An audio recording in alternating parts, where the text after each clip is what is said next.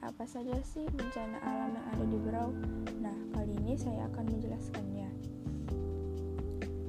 Kecamatan di Berau berpotensi bencana alam. Badan Penanggulangan Bencana Daerah atau disingkat dengan BPBD Berau, Jumat tanggal 7 bulan 5 merilis lokasi rawan bencana berdasarkan dokumen kajian risiko bencana atau disingkat dengan KRB.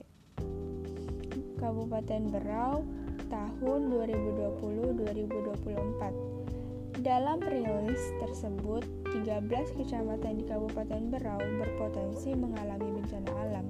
Menurut Kepala BPBD Berau, Tamrin ada beberapa potensi bencana yang dapat terjadi di Kabupaten Berau, di antaranya kebakaran lahan, banjir, tanah longsor, angin puting beliung, gempa bumi, tsunami, bahkan kekeringan. Namun, intensitas setiap kecamatan berbeda-beda.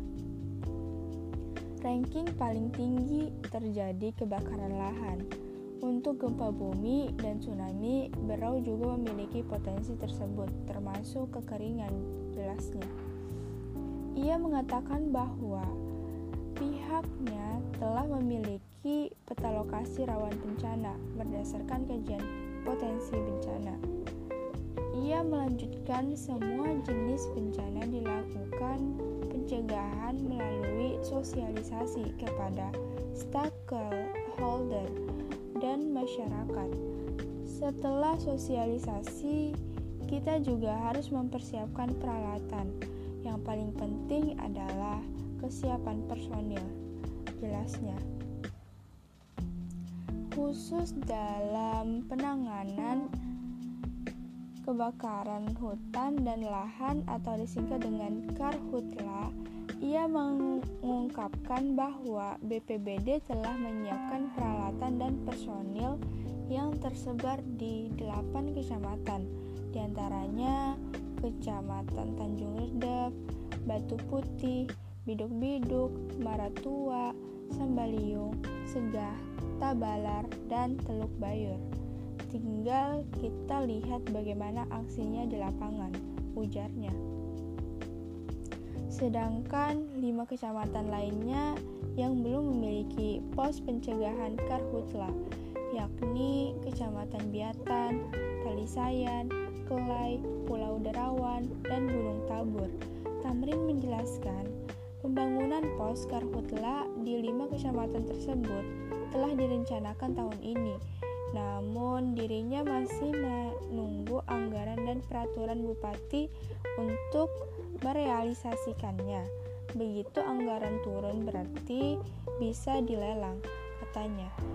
Ia mengaku pada tahun 2019 lalu karhutla di Kabupaten Berau cukup besar yang menghanguskan kurang lebih 3.000 hektar di, dikarenakan peralatan dan personil yang tersedia belum maksimal sedangkan tahun 2020 lalu, ia mengaku pihaknya tidak terlalu kesulitan mengatasi karhutla karena musim kemarau yang terjadi tidak terlalu ekstrim. Tahun ini kita tingkatkan lagi persiapannya, pungkasnya. Nah, kali ini saya akan menjelaskan lagi uh, bencana banjir yang diguyur hujan deras 14 desa di Berau Kaltim ter terendam banjir hingga 2 meter. Hujan deras yang mengguyur Kabupaten Berau, Kalimantan Timur sejak Kamis tanggal 13 bulan di bulan 5 2021 hingga Minggu tanggal 16 bulan 5 2021 menyebabkan sejumlah wilayah terendam banjir.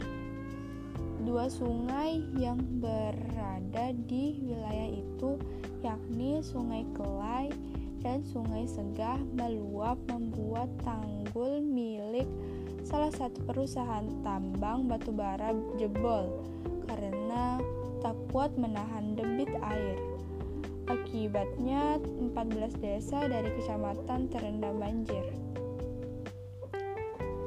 Kepala Badan Penanggulangan Bencana Daerah atau disingkat dengan BPBD, Berau Tamrin meng mengatakan ketinggian air mencapai sekitar 1 hingga 2 meter. Sebanyak 2507 kepala keluarga yang terdampak dari 14 desa itu, ungkap Tamrin saat dihubungi kompas.com Selasa tanggal 15 bulan Mei 2021. Tamrin mengatakan banjir terparah merendam 6 desa di ilir sungai. 6 desa tersebut yakni Desa Tumbik, Dayak, Tumbik Melayu, Inaran, Pegat Bukur, Desa Bena Baru, dan Desa Long Lanuk. Sementara untuk delapan desa lainnya berada di hulu sungai. Empat desa berada di hulu sungai Kelai, meliputi Desa Long Beliu, Desa Dayak, Muara Lesan, dan Merasa. Sedangkan empat desa lainnya di hulu sungai Segah yakni Desa Punan, Segah, Longlai, Long Ayap, dan Long Ayen. Sebanyak 14 desa itu berada di empat kecamatan yakni Kecamatan Segah, empat desa, Kecamatan Kelai, empat desa, Kecamatan Teluk Bayur, satu desa, Kecamatan Sambaliung, lima desa, terang dia. Banjir terparah, kata Tamrin sejak minggu ter bertepatan dengan jebol tanggung tambang batu bara. Se sekarang air berangsur turun, kata dia. Selain permukiman warga, beberapa akses jalan juga lumpuh lahan perkebunan dan pertanian rusak total. Meski begitu, Tamrin menuturkan kebanyakan warga yang terdampak enggan evakuasi. Mereka memilih menempati rumah panggung. Rata-rata rumah warga di sini rumah panggung. Jadi, kebanyakan mereka tidak mau evakuasi. Mereka tempati bagian loteng rumah. Sementara warga yang tak punya rumah panggung mengungsi ke rumah tetangga, terang dia. Saat ini pengkap Berau dibantu TNI dan Polri mendis mendistribusikan logistik, kebutuhan bahan pangan, dan membantu masyarakat yang memerlukan evakuasi ke tempat yang lebih aman. Jika ada permintaan pertolongan, khusus wilayah yang terdampak cukup parah, kami buka posko dapur umum sementara tahap koordinasi pungkas dia. Nah, kali ini saya akan membahas tentang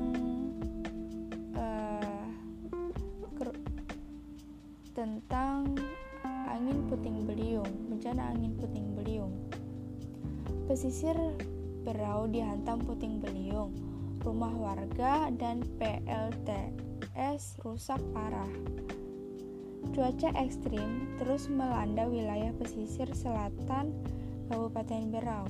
Setelah dihantam angin puting beliung di Kecamatan Talisayan, Kamis, tanggal 1 bulan 10 2018, puting beliung kembali menghantam kampung Bali Kukup Kecamatan Batu Putih.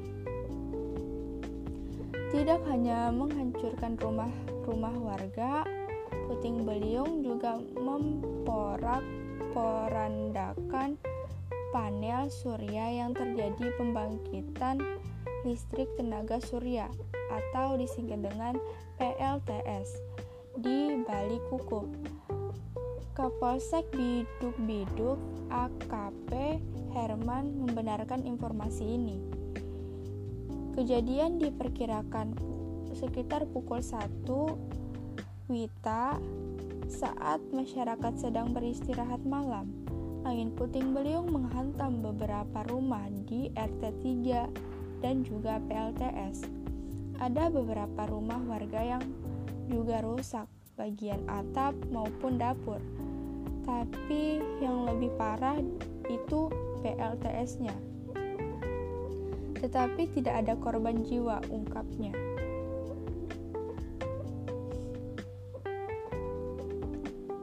Masyarakat bersama aparat tengah bergotong royong membersihkan puing-puing bangunan yang berserakan dan merapikan panel PLTS yang mengalami kerusakan cukup parah. Saat ini kita fokus gotong royong bantu warga membersihkan serpihan bangunan yang berserakan dan mengecek kondisi PLTS. Tandasnya. Kerusakan PLTS ini dikhawatirkan akan mengganggu aktivitas masyarakat. Karena itu, Wakil Bupati Berau Agus Tantomo memerintahkan Badan Penanggulangan Bencana Daerah atau disingkat dengan BPBD untuk memeriksa lokasi kerusakan, membantu masyarakat sekaligus memperhitungkan kemungkinan untuk memperbaiki PLTS. Pasalnya, masyarakat di wilayah pesisir pesisir sangat bergantung pada PLTS. Wilayah pesisir selatan masih minim jaringan PT Perusahaan Listrik Negara atau disingkat dengan PLT, PLN untuk memenuhi kebutuhan listrik masyarakat di pesisir yang paling memungkinkan adalah PLTS karena mengalami kerusakan lebih dari 50% akibat puting beliung, maka perlu dilakukan perbaikan segera. Sebenarnya PLTS ini dibangun oleh Kementerian SESDM atau di, atau kepanjangan dengan Energi Sumber Daya Mineral. Saya harus pastikan dulu apakah statusnya sudah diselenggarakan ke Pemkab Berau atau belum. Kalau sudah diserahkan ke kami, akan kami perbaiki, kata Wakil Bupati Berau Agus, Agus Tantomo. Sebelumnya, Kepala Badan Meteorologi, Klimatologi, dan Geofisika disingkat dengan BMKG Berau. Tekat Sumardi telah memberikan peringatan kepada masyarakat agar mewaspadai kemungkinan munculnya angin puting beliung terutama di wilayah pesisir pasalnya puting beliung bisa muncul di darat dan di laut puting beliung di laut sangat membahayakan para nelayan maupun arus lalu lintas transportasi air. Masyarakat menghindar saja wa, kalau melihat puting beliung. Tidak perlu mengambil gambar atau foto atau video, foto atau video sebaiknya menyelamatkan diri saja tugas tegasnya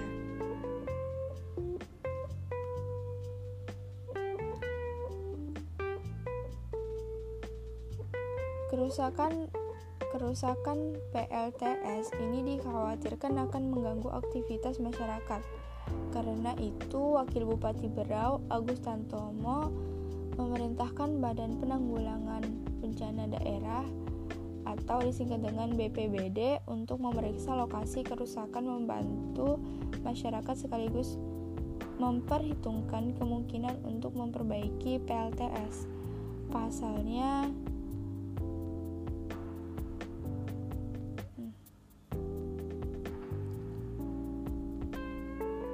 sebelum sebelumnya Kepala Badan Meteorologi, Klimatologi, Geofisika